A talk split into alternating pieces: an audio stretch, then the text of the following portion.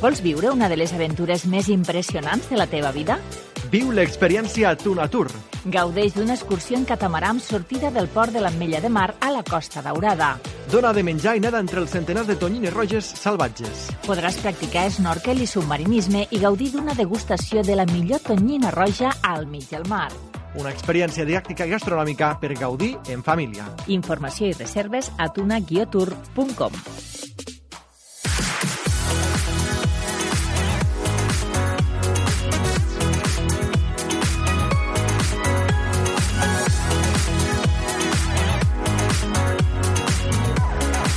dia Terres de l'Ebre, amb Josep Pitarch. Molt bon dia, els donem la benvinguda a l'Espai al Dia Terres de l'Ebre, un programa que pretén posar al seu abast tota la informació de les nostres terres i per això ens unim cinc emissores municipals de ràdio del Baix Ebre i del Montsià per tal d'apropar-los a aquesta actualitat. Els companys i companyes que ho fan possible són la Teri Giné i la Clara Seguí a la Plana Ràdio, Núria Mora, Clàudia Ruiz i Xavier Falcó a Ràdio Tortosa, Francesc Callau i Daniel Rodríguez a la Cala Ràdio, Judit Castells i Jonathan Valls a Ràdio Joventut i Eduard Carmona i Leonor Bertomeu en Ràdio Delta. Des d'ara mateix i fins al punt de les 2 de la tarda estirem al seu costat, si així ho desitgen, per posar-los al dia les Terres de l'Ebre. Una informació que en el dia d'avui presenta els següents titulars.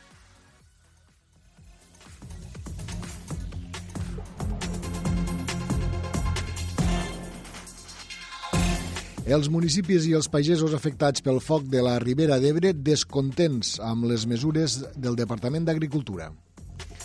Dijous complicat a les carreteres de les Terres de l'Ebre amb accidents i incidències a la Nacional 340, a l'AP7 i a la C12. I aquest matí també nou accident a la C12, en aquest cas a Flix. Diumenge es durà a terme l'anellament dels polls de flamenc de la Punta de la Banya. El Perelló torna a l'època romana amb l'Ave Shopping Night. La Coral dels Maristes de Montserrat ofereix demà un concert a Deltebre. La sisena edició de les nits a la Baranova de Tivissa destinarà una fila zero al projecte Rebrotem. Aquest cap de setmana arriba la 17a edició de la Fira de les Fibres Vegetals al Mas de Barberans. Green Book és la pel·lícula enguany del Cineclub a la fresca de la Mella de Mar. El Barça Academy continuarà a les Terres de l'Ebre amb nova seu oficial i nou coordinador. I també destacarem que Deltebre acull la darrera regata de la Lliga Catalana de Llagut. La setmana vinent es disputarà per Serra Sant Jaume d'Enveja el Campionat de Catalunya.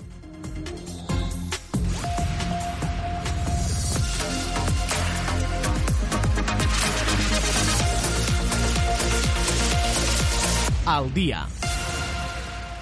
Els ajuntaments dels vuit municipis afectats de la Ribera d'Ebre, el Segrià i les Garrigues per l'incendi de finals de juny valoren positivament el pla de xoc aprovat pel govern de la Generalitat, però això sí, el consideren insuficient.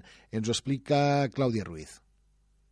Així és, i per això han decidit fer front comú per reclamar més mesures de les ja anunciades per Agricultura per tal de pal·liar els danys del foc. Demanen a l'executiu català que estudiï línies d'ajut complementàries per a la recuperació de les explotacions afectades, com ara ajuts a fons perdut, un pla de recuperació econòmic de les finques i que s'agilitzi la portada del regadiu a les zones afectades per l'incendi. També exigeixen la constitució de forma urgent d'una taula de treball amb el govern per concretar aquestes mesures i fer-ne un seguiment.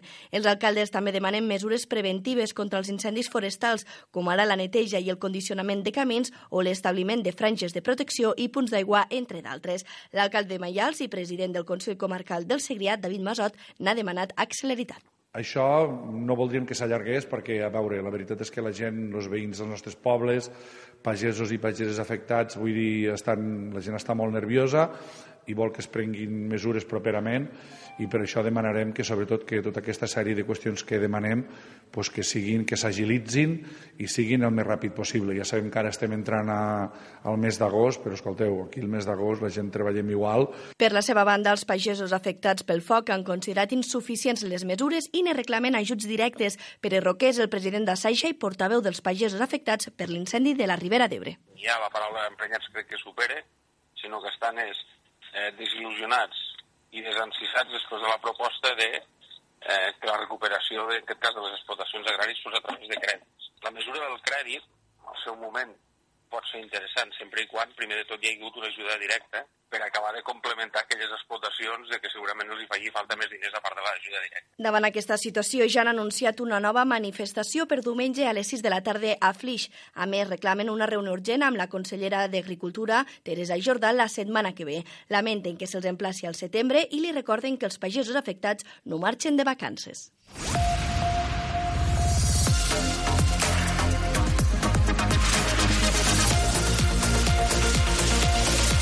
Al dia. Canviem de qüestió, parlem del trànsit perquè la veritat és que les darreres hores estan sent molt difícils a les carreteres de les Terres de l'Ebre. Els direm que un camió va volcar ahir al pas de la C12, en aquest cas aquest matí volem dir, perdó, al pas de la C12 per Flix davant del camp de futbol de la Bentonella aquest matí de divendres. De moment es desconeix l'estat del conductor, tot i que algunes fonts asseguren de que podia haver resultat en caràcter greu i també si altres ocupants del vehicle han pogut eh, quedar atrapats. Fins al lloc dels fets s'han desplaçat una dotació dels bombers de la Generalitat, efectius del Servei d'Emergències Mèdiques i eh, també de la policia local de Flix. Però és que ahir dijous vam tenir una tarda molt accidentada a les vies que transcorren per les nostres terres. Ahir la tarda el Servei Català de Trànsit també informava d'una col·lisió múltiple on haurien implicats tres vehicles i dos camions i que va tallar l'AP7 en sentit sud a l'altura de Camarles. Això va ocasionar llargues cues en sentit a València. Dos persones van resultar ferides de caràcter lleu. L'avís es va produir poc abans de les 5 de la tarda, concretament quan feien falta 7 minuts es van activar els diferents cossos d'emergència desplaçant dotacions de bombers de la Generalitat, de Mossos d'Esquadra i també efectius del Servei d'Emergències Mèdiques. Coincidint amb aquest tall de l'autopista AP7, a l'alçada de Camarles, un incendi en, en la càrrega d'un tràiler va tallar també completament la carretera nacional 340, en aquest cas entre l'Aldea i l'Ampolla. Per causes que es desconeixen, un camió va començar a cremar i va tallar la carretera en els dos sentits de la marxa, provocant cues de fins a 10 quilòmetres de distància en amb dos sentits de la marxa. Fins al lloc dels fets es van desplaçar també diferents serveis d'emergència amb dotació de bombers que van sofocar el foc, Mossos d'Esquadra i efectius del Servei d'Emergències Mèdiques. El conductor del camió cal dir que fou traslladat amb ferides al cap de l'aldea, la, en aquest cas. I finalment cal parlar també d'ahir al migdia d'un aparatós accident que va tallar la C12 al seu pas per Mora la Nova durant gairebé una hora. Un turisme i un camió van estar implicats en l'accident i segons que van informar el Servei Català de Trànsit, dues persones van resultar ferides en estat menys greu i van ser traslladades als centres de Mora d'Ebre i també a l'Hospital Verge de la Cinta de Tortosa. Com a conseqüència dels fets, el turisme va volcar i cinc minuts abans de, le, de quarts de dues de la tarda es va rebre l'avís, es van activar tots els serveis d'emergència i l'accés a la carretera nacional 420 des de la C12 es va haver de tallar i es van fer desviaments per l'interior de la població de Mora la Nova. Deixem ja aquestes qüestions, parlem de temes mediambientals. Diumenge es durà a terme l'anellament dels polls de flamenc de la Punta de la Banya. Des que es va començar les campanyes, l'any 1992, s'han anellat més de 4.000 flamencs que s'han pogut seguir després per 14 països diferents d'Europa, Àfrica i Àsia. Leonor Bertomeu. El Parc Natural del Delta de l'Ebre organitza este diumenge 4 d'agost l'anellament de prop de 400 polls de flamencs, nascuts a la punta de la banya en el marc d'una campanya de monitoratge i seguiment d'abast internacional. Enguany s'han comptabilitzat 2.985 parelles nidificants a la colònia de flamencs de la punta de la banya, una xifra que es situa molt per sobre de la mitjana. De fet, el número de parelles nidificants d'enguany és el tercer màxim històric des de l'any 1990 1992, quan el flamenc es va implantar al Delta. Només quatre vegades s'han superat les 2.500 parelles en estos anys i el rècord es va establir l'any 2009 amb 3.139 parelles. Amb l'anellament d'este cap de setmana, el Parc Natural superarà ja els 4.000 flamencs anellats. Dels exemplars marcats fins ara s'han obtingut gairebé 17.000 avistaments en una àrea molt extensa que inclou 14 països d'Europa, Àfrica i Àsia. Gràcies, Leonor. En un altre àmbit de coses també els explicarem que els quatre hospitals de les Terres de l'Ebre ja comparteixen programari. Es tracta del projecte Argos, un nou sistema d'informació hospitalària que permet a l'Hospital Comarcal de Mora d'Ebre, la Clínica Terres de l'Ebre i a l'Hospital de la Santa Creu de Jesús compartir el sistema informàtic amb l'Hospital Verge de la Cinta de Tortosa, que és el de referència al territori. Amb el nou sistema, els professionals poden compartir la informació clínica del pacient, tant hospitalària com d'atenció primària. També ofereix millor informació clínica i eines de suport per a la investigació.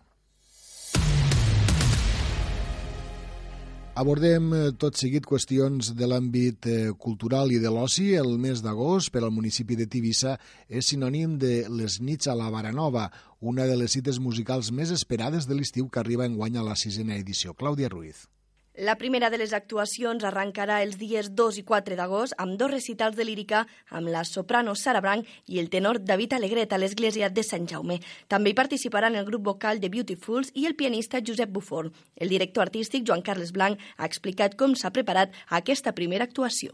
Tenim també la primera part, l'actuació de soprano i cor, tenor i cor, i els dos i el cor, i tenim actuacions entre els solistes i el cor també. A part d'això, com he dit abans, el cor fa dos, dos peces. Eh, aquest és el format. I també aquest any s'hi ha inclòs, eh, tant a la primera com a la segona part, un cantant i l'altre cantant, tant la Sara Blanc com el David Alegret, una peça d'una sarsuela. En aquesta nit lírica, des de l'organització s'ha pensat comptar amb una fila zero per al projecte Rebrotem, destinat als afectats per l'incendi de la Ribera d'Ebre. A nivell online es podrà abonar una quantitat de 5 euros, però també es podrà fer efectiu amb la compra de l'entrada física a l'Ajuntament de Tivissa. L'alcaldessa Montse Perelló explica com es durà a terme la resta de nits. I les altres nits el que farem serà posar com com una urna no? per la gent que vulgui, per les altres nits són entrada gratuïta i per tant eh, qui vulgui sumar-se al rebrotem doncs ho podrà fer eh, exactament igual.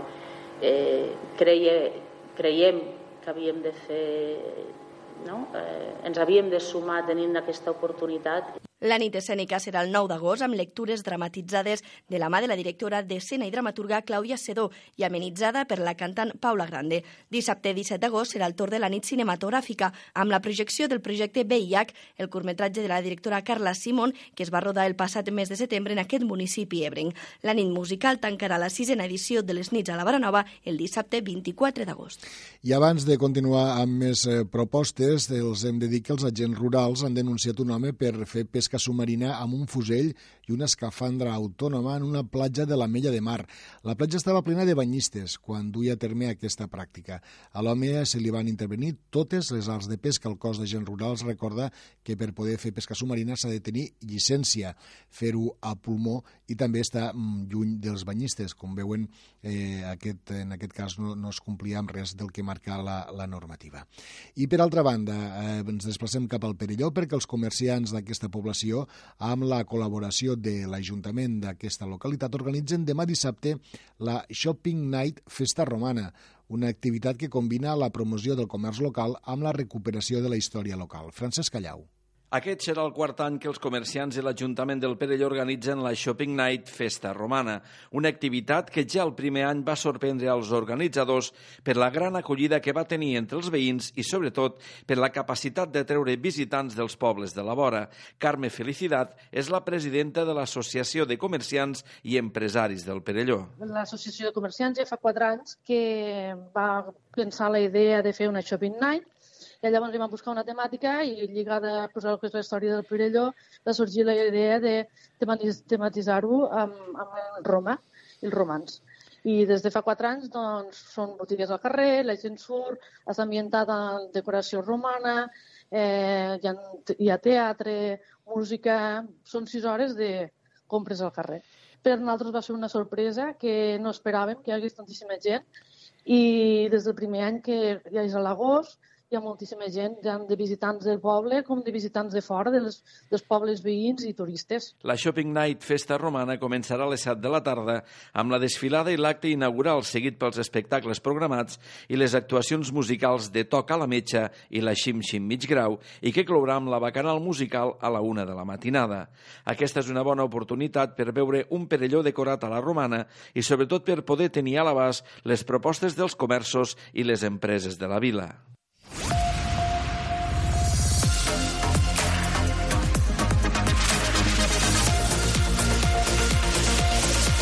Al dia.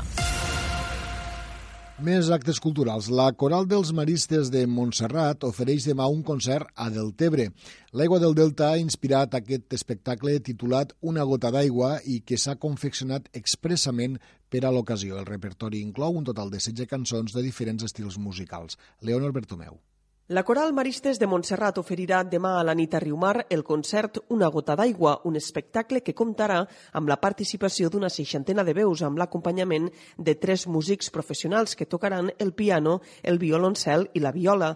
L'espectacle ha estat creat expressament per a la gent de Deltebre i amb l'aigua del Delta com a inspiració i comptarà amb la intervenció de diferents persones del municipi, ja sigui en un paper actiu o bé en veu en off. La regidora de Foment Cultural de l'Ajuntament de Deltebre, Anna Jiménez, Jiménez ha posat en valor el fet que hagin creat un espectacle únic inspirat amb el Delta ells han estat treballant intensament per a, per a crear aquest espectacle. Vull dir que és un espectacle que estrenen aquí i que l'han fet pensant en nosaltres, pensant en la gent del Delta i pensant en el paisatge del Delta.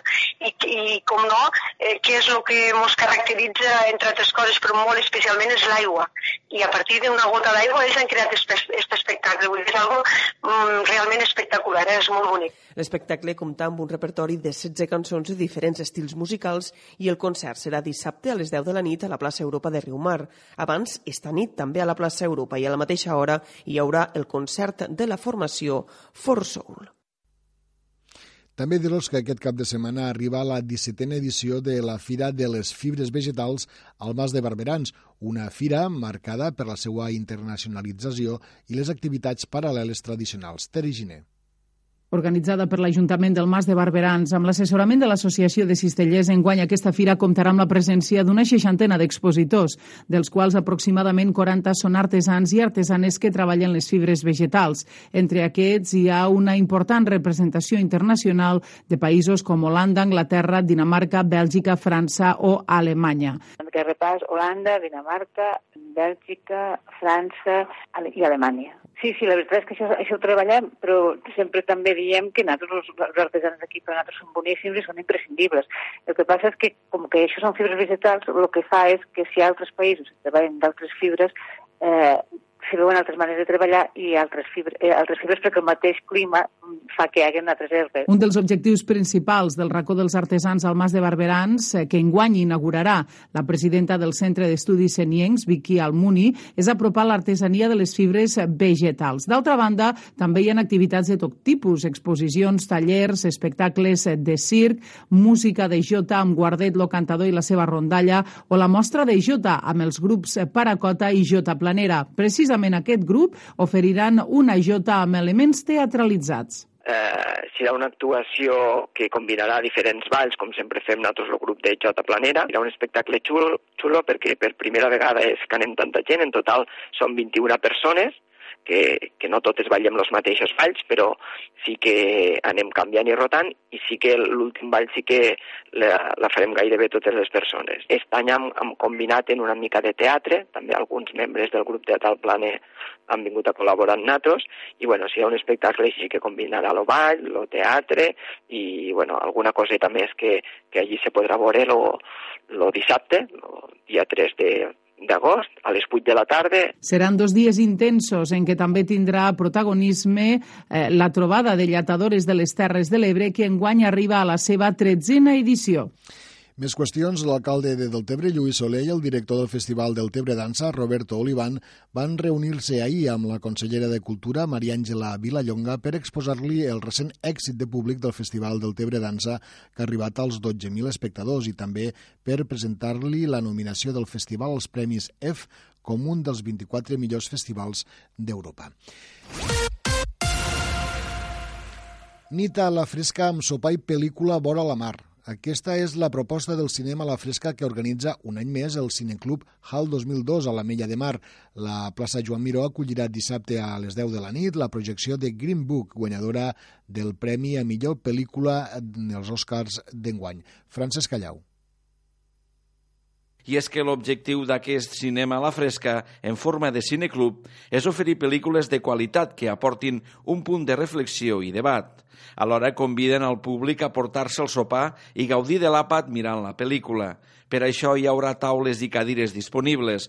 Montse Cateura és una de les organitzadores. El cinema a la fresca que a la plaça Miró doncs, té com a filosofia oferir bon cine bon cine en els termes de pel·lícules que siguin entretingudes, que convidin a reflexionar, que ens aportin temes de debat i una mica tot això amanit o des de l'ambient més distès de fer-ho eh, davant d'una taula i un plat compartint sopar amb els amics.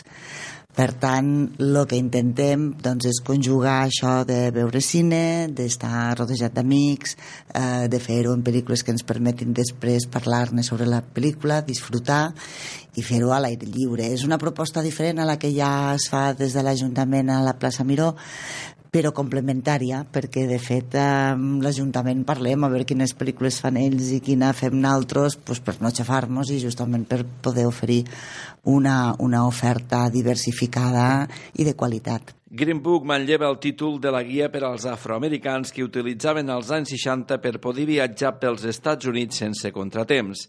El pianista afroamericà Don Shirley i el conductor italoamericà Tony Vallelonga compartiran una gira on hauran de fer front als perjudicis i deixar de banda les diferències per sobreviure.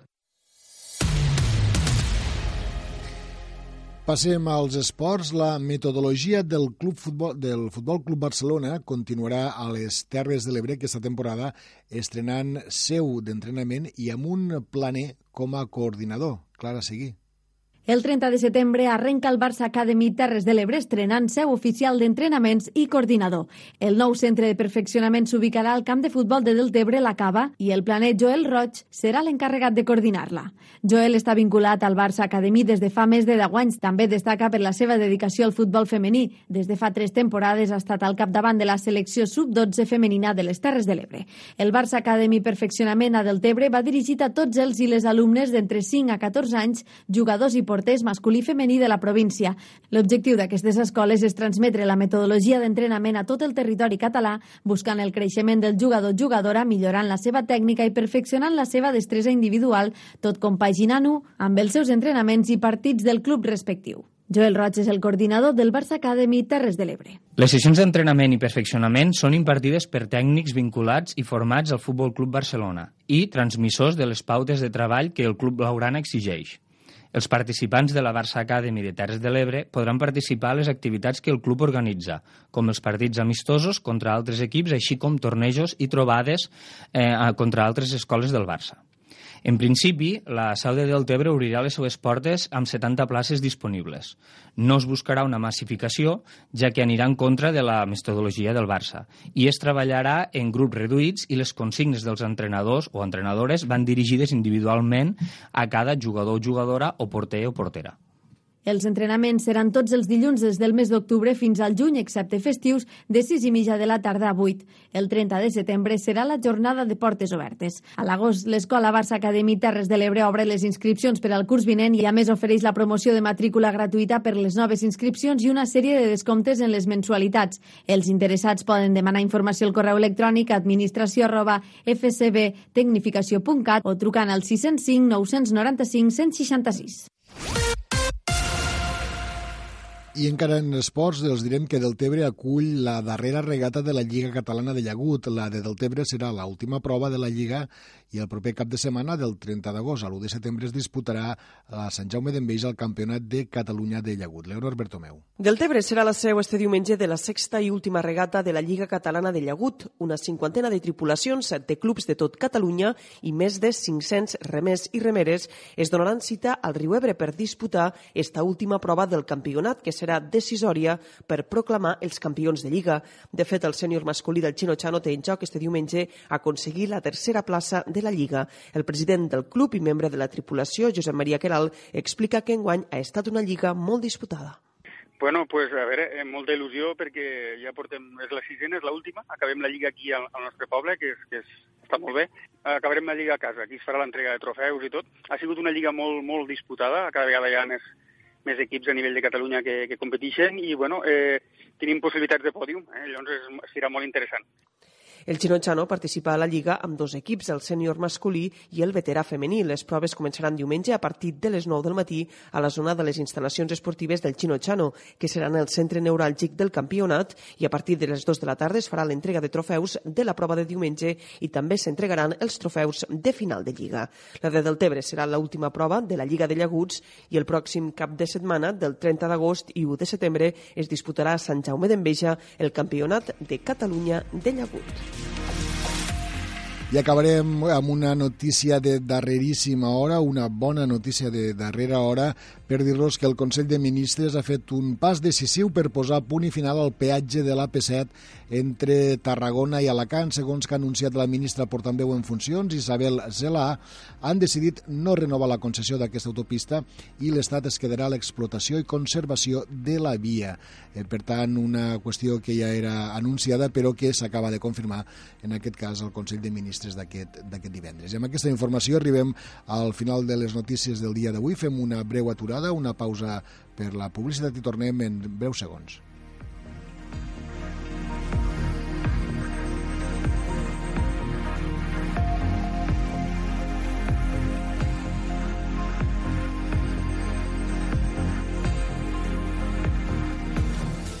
Vols viure una de les aventures més impressionants de la teva vida? Viu l'experiència Tuna Tour. Gaudeix d'una excursió en catamarà amb sortida del port de l'Ametlla de Mar a la Costa Daurada. Dona de menjar i nada entre els centenars de tonyines roges salvatges. Podràs practicar snorkel i submarinisme i gaudir d'una degustació de la millor tonyina roja al mig del mar. Una experiència didàctica i gastronòmica per gaudir en família. Informació i reserves a tuna-tour.com.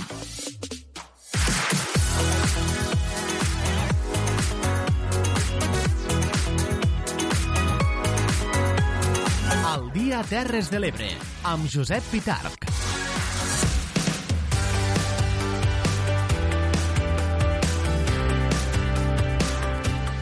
Professionals de l'Institut Universitari d'Investigació en Atenció Primària i del Servei de Farmacologia Clínica de l'Hospital Universitari La Vall d'Hebron han portat a terme un estudi per conèixer si determinats factors econòmics, sociodemogràfics o culturals estan relacionats amb el consum d'antidepressius a cinc regions europees. Segons l'estudi, les dones i les persones de més de 65 anys són les principals consumidores de medicaments antidepressius.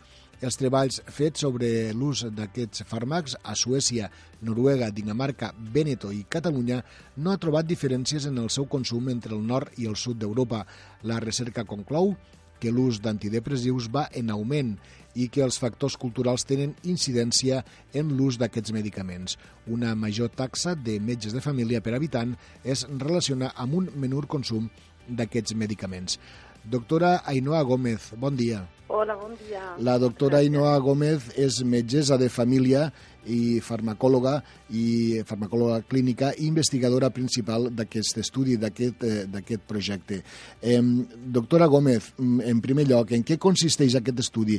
Quin, quins són els paràmetres que vostès han analitzat? Bé, doncs, nosaltres, l'objectiu d'aquest estudi era detectar si hi havia diferències entre el consum d'antidepressius entre els països europeus. Uh -huh. Vam analitzar el consum d'antidepressius a Catalunya i a la regió del Vèneto, a Itàlia, com, com representants del, del sud d'Europa, i els països nòrdics a, a Dinamarca, a Noruega i a Suècia, com vostè ha ben dit, com representants a, del nord d'Europa. Aquests cinc països el que tenen en comú eh, dels aspectes dels seus eh, sistemes sanitaris són que la prescripció, el reembolsament dels fàrmacs antidepressius depressius eren molt semblants, tenien eh, poblacions també en torn als 5-10 milions de persones i van obtenir dades de, del consum dels antidepressius en, en totes aquestes, aquestes regions. Uh -huh. Per tant, és mm, una de les conclusions que, que després mm, vostès arriben, a, part, a partir de tot això que ens estava explicant, és que mm, pràcticament de diferències entre el nord i el sud d'Europa no n'hi ha. No, nosaltres eh, en global el que vam veure és que la regió del Vèneto, que, que podria ser al sud d'Europa i, el, i a Noruega, eren els països amb, amb bueno, molt menys consum que, que Catalunya, que Suècia i Dinamarca, que tenien, Suècia, per, eh, per exemple, tenia un consum era el doble de, de la regió de, del Vèneto en anys d'estudi. De, mm. Per això nosaltres bueno, no podem dir que hem trobat cap diferència entre el nord i el sud en, en aquests països. Però sí que hi ha diferències entre homes i dones. Sí, entre homes i dones sí que n'hi ha diferència. Jo crec que hi ha una gran diferència pel que fa al consum de fàrmacs en general, però jo diria que, que en el cas dels antidepressius aquesta diferència és, és molt més important, molt més destacable.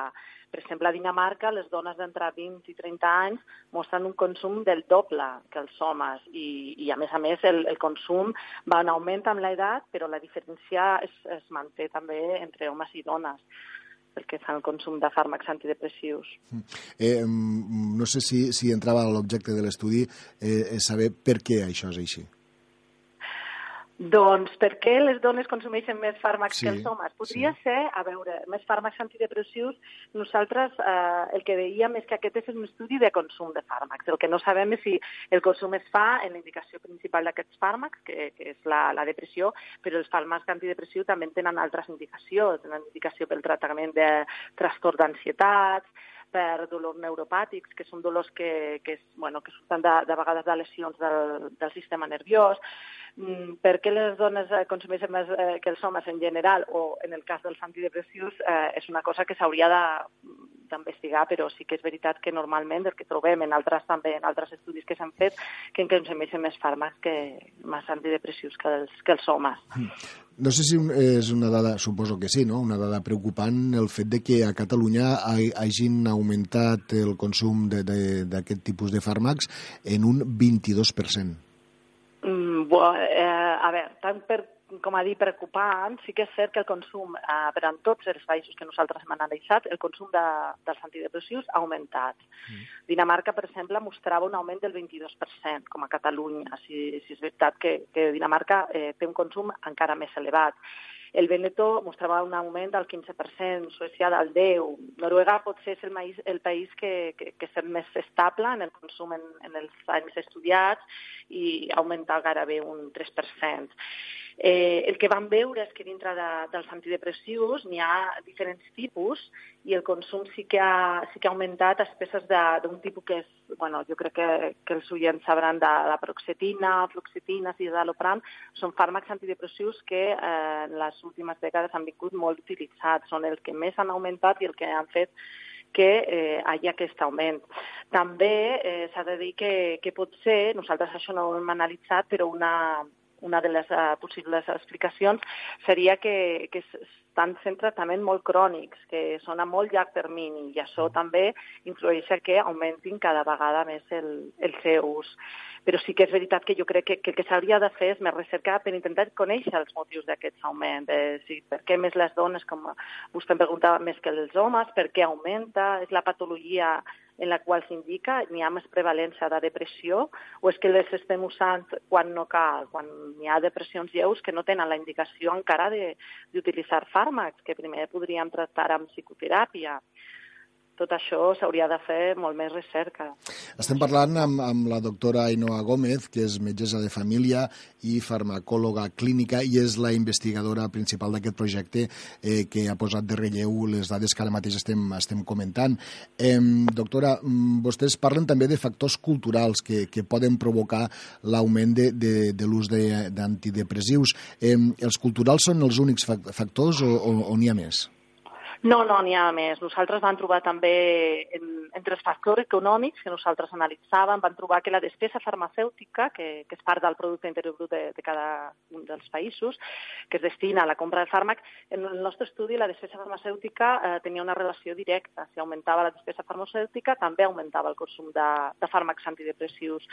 Eh, mentrestant, en el cas de, la, de les variables de, sociodemogràfiques que nosaltres eh, havíem hipotetitzat, que, que podrien tenir alguna relació, podrien determinar examinar l'ús de fàrmacs antidepressius, que eren la tassa d'atur, la tassa de suïcidis o la tassa d'immigració, cap d'elles va mostrar relació. Nosaltres pensàvem que potser països amb tasses més elevades de suïcidis o d'atur o també amb major tasses d'immigració podrien tenir, bueno, els metges podrien utilitzar més les, eh, els antidepressius com per evitar problemes més greus en depressions, tot i que podrien ser depressions lleus, però, però nosaltres no vam trobar cap, cap relació amb, amb aquests determinats. Sí que van trobar relació amb les, amb les dimensions culturals que nosaltres analitzàvem, com són la, la masculinitat i l'orientació a llarg termini, és a dir, a societats eh, en les quals, eh, per exemple, pensen en el futur, no li agrada el que pot passar, pot ser aquestes societats que tenen, eh, bueno, eh, pensen en el futur, eh, pot ser aquesta societat no consumeix tants fàrmacs antidepressius. Mm -hmm. eh, això sí que ho van trobar. Eh, una, una altra dada, mm, no sé si té llarga de curiosa, és, és que en els països que hi ha més metges de família eh, no es consumeixen tant d'antidepressius. Bo, jo, jo penso que, que aquesta, aquesta troballa que nosaltres hem tingut és una troballa bona, no? Mm. perquè, perquè nosaltres, pel que fa a aquesta relació de tasses de metge de família per habitant, tenia una relació inversa, és a dir, consumia menys, eh, menys fàrmacs antidepressius. El que nosaltres creiem és que pot ser aquesta, aquesta relació es pot explicar perquè, a més metges d'atenció primària, doncs, eh, tenen més temps, poden escoltar molt millor els pacients, els seus problemes, fer una mica el que es diria de, de psicoteràpia, donar suport a l'atenció al pacient i una atenció de, de major qualitat, no? Mm. sense la necessitat, la necessitat pot ser de, de prescriure molt més ràpidament un fàrmac antidepressiu davant de depressions lleus que, que pot ser poden anar millorant si tu pots eh, fer un seguiment una mica més, no? amb més temps i cada, bueno, més, més sovint d'aquests pacients, sí, sí. Ja ho han escoltat, aquestes són algunes de les conclusions més destacades d'aquest estudi. Ja per acabar, doctora Gómez, ens agradaria preguntar una qüestió una mica més, eh, més personal, diríem. Eh, què suposa el fet de, de fer un estudi d'aquestes característiques amb investigadors i amb científics de, de diferents punts d'Europa? Què suposa a nivell personal, vull dir, eh? A, a nivell personal, eh, jo crec que és molt enriquidor, molt enriquidor, però també el que, el que es fa és que eh, de vegades nosaltres no pensem com fem les coses aquí, però s'ha de veure com es fan a, a tot arreu, una mica per millorar també, uh -huh. eh, no només des del punt de vista, molt, pot ser metodològic, de cara a fer un estudi, però també de cara a la, la manera d'actuar davant dels pacients. Nosaltres van, van trobar que a Dinamarca els metges de família sí que tenen com uh, consultes especials per pacients amb patologia psiquiàtrica de més temps, que venen bonificats, que potser és una cosa que es podria fer aquí a, a Catalunya. Uh -huh. Doncs per mi va estar molt enriquidor en totes les maneres. Sí. Doctora Ainhoa Gómez, metgessa de família, farmacòloga clínica i investigadora principal del projecte. Enhorabona, enhorabona per aquest estudi. Eh, la veritat és que és d'aquelles eh, coses que fan avançar la ciència no? i que, per tant, ens fan avançar en el coneixement. I li agraïm moltíssim que avui hagi atret els micròfons de eh, el Dia Terres de l'Ebre. Moltíssimes gràcies i una abraçada. Moltíssimes gràcies a vostès, perquè per nosaltres és un plaer fer recerca i que, que la gent la, la conegui. Moltíssimes gràcies. Fins ara. Bon dia.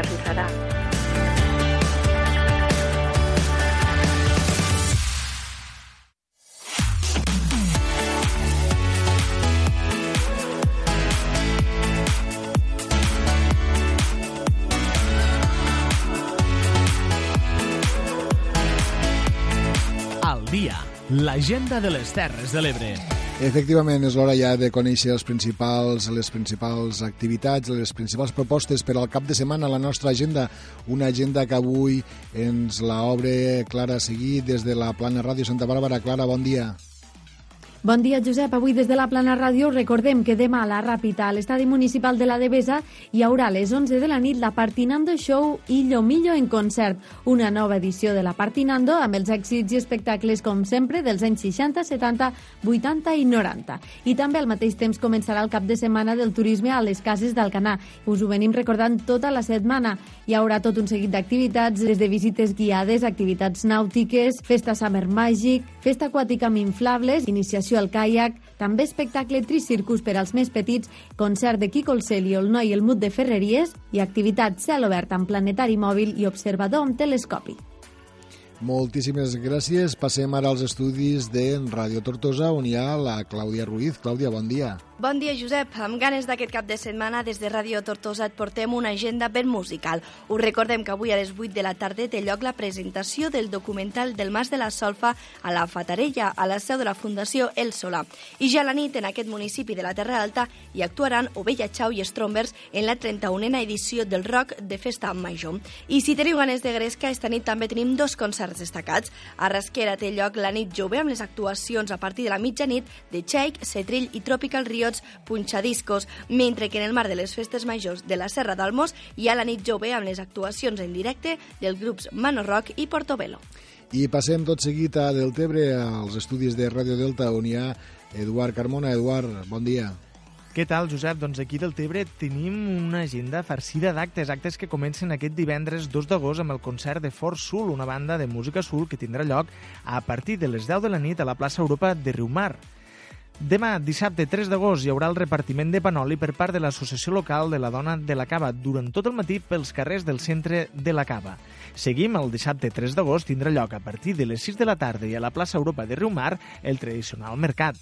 També dissabte 3 d'agost hi haurà el concert Una gota d'aigua, un concert que ens oferirà la coral Maristes de Montserrat, en el qual interpretaran un total de 16 cançons diferents i una peça creada especialment per a l'ocasió. Això serà a les 10 de la nit a la plaça Europa de Riumar. Finalment, el diumenge 4 d'agost tindrà lloc la regata de la Lliga Catalana de Llagut, aquí del Tebre. Serà l'última regata de la temporada i l'associació local i esportiva Chino Chano té possibilitats de podi, així que és un acte que no us podeu perdre. Començarà a les 8 del matí i durarà fins les 2 de la tarda les competicions en les diferents categories. Com veus, Josep, una agenda ben farcida i variada la que us presentem des d'aquí a Deltebre. Moltes gràcies, Eduard, i acabem la nostra ronda de connexions, en aquest cas als estudis de la Cala Ràdio, a la Mella de Mar, amb Francesc Callau. Francesc, bon dia. Què tal, Josep? Arribats al cap de setmana a la Mella de Mar ja preparem els actes. Avui, divendres, dia 2 d'agost, a partir de les 6 de la tarda hi ha sessió de Zumba Beach a la platja de l'Alguer. I demà dissabte a les 10 de la nit, a la plaça Joan Miró, cinema a la fresca amb la projecció de la pel·lícula Green Book, gentilesa de Cineclub Hall 2002. Al Perelló, demà dissabte, 3 d'agost, tarda i nit, durant 6 hores, a partir de les 7, tindrà lloc la Shopping Night combinada amb la festa romana de l'Associació de Comerciants. I a l'Ampolla, també demà dissabte, entre les 11 i la 1 de la nit, l'Avinguda Marítima serà l'escenari de la nit màgica, una de les més esperades de l'estiu. Doncs aquestes són les, algunes de les propostes, algunes de les cites inexcusables d'aquest cap de setmana. Nosaltres ara eh, fem una, res, eh, una aturada i continuem ja la secció de Poble en Poble.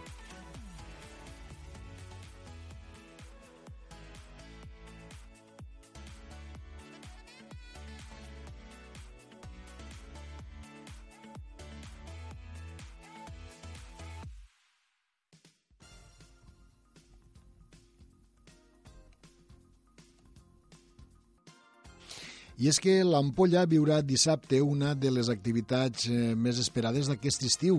Els ampolleros i els visitants al vell mig de l'estiu es preparen per a la seva nit màgica. Francesc Callau ha parlat d'aquest i d'altres temes amb l'alcalde de l'Ampolla, amb Paco Arassa. Francesc, quan vulguis. Un dels clàssics de l'estiu a les nits de les localitats de les Terres de l'Ebre és la nit màgica que ja des de fa anys s'organitza a la localitat de l'Ampolla. Avui per parlar d'aquesta nit i una mica per conèixer una mica més de l'actualitat d'aquesta localitat costanera del Baix Ebre hem convidat al programa al seu alcalde, a Paco Arassa. Eh, alcalde, què tal? Bon dia, benvingut. Hola, molt bon dia. Moltes gràcies per convidar-me. Comentàvem això, no?, que la nit màgica, a mm, poc a poc s'ha anat fent un camí i si preguntéssim a, a la gent del territori per un d'aquests dies o una d'aquestes festes clàssiques de les Terres de l'Ebre a l'estiu, segur que entre elles mos sortiria la nit màgica de l'Ampolla, no? Efectivament, així, així és, no? És una, una festa que vam iniciar primer amb dos espectacles per diversificar-ho al llarg de tot el passeig i aquí és una mica d'activitat i de mica en mica s'ha transformant en una de les festes més consolidades, més conegudes i més, reconegudes, i més reconegudes d'aquí de les Terres de l'Ebre. Inclús a nivell local aquí podem parlar de festes com les festes majors de Sant Joan amb la Vella o els Focs del Carme o la Dia de l'Ostra, no? Però en aquest moment jo diria que aquesta nit màgica és la festa que atrau més gent en un dia al nostre poble. Què té la nit màgica que, que diguéssim que enganxa tant? Bueno, és una... En tot, al llarg de tot el passeig marítim, com ja molta gent coneix, eh, hi ha, en aquests, aquests anys hi haurà 10 espectacles diferents, tots uns espais de, on hi ha diferent tipus d'espectacle, no? que pot anar des de la dansa, al teatre, arts visuals, al circ, i això fa que haver 10 espectacles en un espai també no, no molt gran, sinó que la gent se pot desplaçar amb facilitat, pues fa que, que la gent passegi i pugui gaudir diferents espectacles. I és una festa molt adreçada al turisme familiar, perquè tallem el trànsit a tot el passeig, i per tant la gent pot passejar amb els crios sense cap tipus de problema, sense cap tipus de perill. I bueno, eh, estan diverses les diferents activitats que per això jo crec que la gent l'atrapa i per això crec que la gent eh, ve cada any més a, a veure aquesta festa. Pels que tinguéssim interès en veure la festa, com ho hem de fer? És a dir, a quina hora hem d'arribar? Eh, a on podem deixar el cotxe?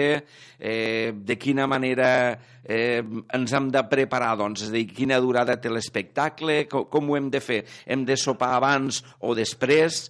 De quina manera ens hem d'organitzar aquest dissabte? Sí, bueno, jo diria que en cas de que la gent vulgui sopar, pues, eh, com a mínim reservar taula perquè els restaurants són, és un dia de que, que està molt ple i per tant jo recomanaria o bé reservar taula i vindre a sopar aquí amb temps per poder també aparcar, que també hi ha zones eh, indicades per poder deixar el cotxe molt proper al passeig i per tant no hi ha grans distàncies a peu, o bé ja vindre sopat, no? Eh, bé, si no tens taula reservada, eh, seria molt complicat poder sopar, no? L'espectacle dura, o la festa comença sobre les 11 i acabaria sobre la 1. Són dues hores que, que tampoc no és llarg i que, per tant, dues hores no pots gaudir-ne de tot aquest tipus d'activitats i espectacles i, com dia abans, no? és a dir, si volen vindre a sopar, millor que reservin taula i per poder aparcar també seria bo vindre allà a les 9 o les 10 i aparcar en els llocs que hi ha habilitats i que hi han degudament indicats perquè la gent pugui aparcar. Més enllà dels espectacles, suposo que l'ambient que s'hi deu donar amb l'acumulació de gent en aquesta zona del passeig marítim pues deu ser espectacular. Sí, perquè, com te dia abans, no és un turisme familiar, és un, la gent ve amb el, els crios eh, a veure els espectacles. Eh, la gent, eh, com és un turisme, a part del que diem aquí de vacances, és un turisme molt de comarca també, pues es coneix moltíssima gent i la veritat és que és un ambient molt agradable i, i molt, molt, molt maco. Tot i que, tot i que a l'estiu eh, és habitual que les poblacions costaneres acabin rebent un gruix important de gent, de visitants, de turismes, a, a, aquestes festes també contribueixen no? a promocionar hi ha, mm, diguéssim, que enganxar a més gent perquè pugui visitar la localitat i, en aquest cas, l'Ampolla? Sí, tot aquest tipus d'activitats que ja també fem aquí a l'Ampolla, no? A, a, estem parlant de la màgica, però també podem parlar de lo que és la, la festa gastronòmica més important que fem a l'Ampolla, com és la Dia de l'Ostra. Tot aquest tipus de festes fan que molta gent que potser venen per primer cop a veure l'activitat, a veure la festa, descobrissin el lloc i, per tant, és una manera també de fer promoció turística. No solament donar un servei o donar una oferta més lúdica i cultural al turista de comarca i al turista que està passant uns dies a l'Ampolla, sinó també serveix, com no, com tu digues abans, de, de promoció i de difusió i de donar a conèixer al nostre poble. L'altre dia, per exemple, vau, va tenir lloc la Fira d'Artesania aquí a la plaça González Isla, per tant, és a dir, també són complements que, que ajuden a omplir una mica el temps de lleure de la gent que us visita, no?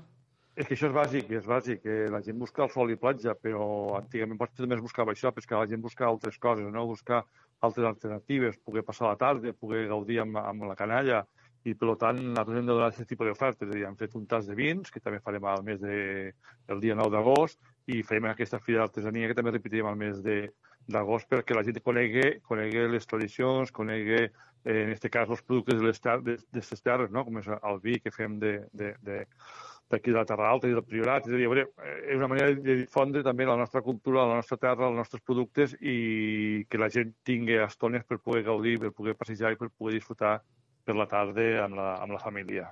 Més enllà d'aquesta nit màgica, en el que ens queda d'estiu, eh, quines altres activitats ens aconsellaria l'Ampolla, alcalde? Bueno, tenim un certamen de música clàssica que fem eh, el, del 14 al 17 d'agost, que també és d'un concert d'un gran nivell que tant la gent pot gaudir-ne moltíssim. I tenim com va fer, bueno, a part de fer cinema a la fresca per la gent, tenim també, com no, eh, ja per tancar el setembre tindríem el que és la, la festa de la cega amb les jornades eh, de l'arròs, no? Eh, on donem a conèixer la nostra cuina a través de l'arròs i on donem a conèixer també eh, les activitats tradicionals com se feia antigament la sega i, i de l'arròs, no? per poder veure quin procés seguia abans de ser ensacat o abans de portar l'arròs a, a, a, a la cuina, no? I per tant, aquesta seria potser una de les festes que ens queda ara més important per poder oferir perquè la gent pugui gaudir del nostre poble. Eh, estem pràcticament al mig de l'estiu, acabem de tancar el mes de juliol. En quant a ocupació, en quant a nombre de visitants, en quant a ambient, eh, quin és el balanç que en fa eh, d'aquest mes de juliol que acabem de passar a l'Ampolla? I jo diria que, no, bueno, no, encara no hem pogut tancar conèixer les dades definitives, però jo diria que estem en unes línies, no sé si igual, o pot haver pot ser un escaig una mica baix, però jo diria que més o menys igual que l'any passat durant la setmana, els números i l'ambient que es veu jo diria que és com tots els anys, i potser sí que hem notat un increment lleuger, però un petit increment potser és cap de setmana. El cap de setmana, la veritat és que aquest mes de juliol ha sigut molt fort de gent, i per tant potser, si diria que durant la setmana jo diria com l'any passat, més o menys, sí que el cap de setmana eh, diria que hi ha hagut un petit increment en relació a l'any anterior. Eh, alcalde, aquests darrers dies l'Ampolla ha estat notícia perquè s'ha anunciat una important inversió de 2 milions d'euros a tot el que és la façana marítima. Eh, aquest és un impuls important mm, pel sector turístic també, més enllà de tots els sectors implicats en l'àmbit de l'economia portuària també. Efectivament, si això serà una millora, falta encara acabar de concretar com serien aquestes mesures, però podem dir que una de les mesures seria el de posar uns punts de, de càrrega per a vehicles elèctrics, eh, ficar un parallams per poder evitar que hi hagi cap tipus de, de, de descàrrega elèctrica i, per tant, eh, això també seria una, una gran avanç.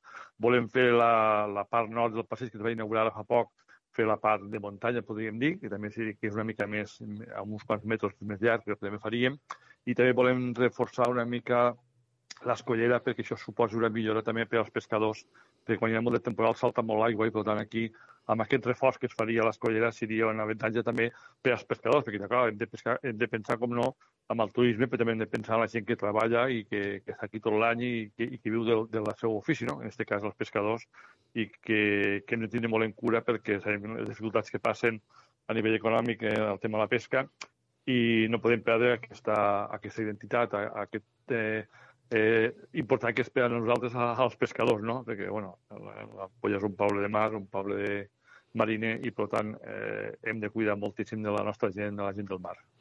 Alcalde, moltíssimes gràcies, que vagi molt bé aquesta nit màgica i, bueno, i, que, i que acabin de passar un molt bon estiu a l'Ampolla. Bueno, pues moltes gràcies a vosaltres i bueno, us convido a tots que poguéssiu gaudir d'aquesta nit i, i d'altres nits de, a la llarg de l'estiu al nostre poble. Paco Arassa, alcalde de l'Ampolla, avui al programa Al Dia parlant-nos precisament d'això, de, de, de les activitats d'estiu eh, i molt concretament d'aquesta nit màgica, una festa ja eh, molt clàssica de l'estiu eh, a les Terres de l'Ebre que tindrà lloc aquest pròxim dissabte, com diem, a l'Ampolla.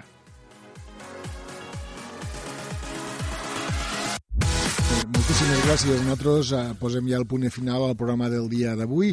Recorden que tornarem a estar tots vostès dilluns a partir de la 1 i 5, si així ho desitgen. Acaben de passar molt bon cap de setmana. Avui ens acomiadem amb la cançó que va ser número 1 l'any 83, a la cançó de l'estiu del 83. Se'n recorden de la Dolce Vita de Diane Paris? Fins dilluns. Thank you.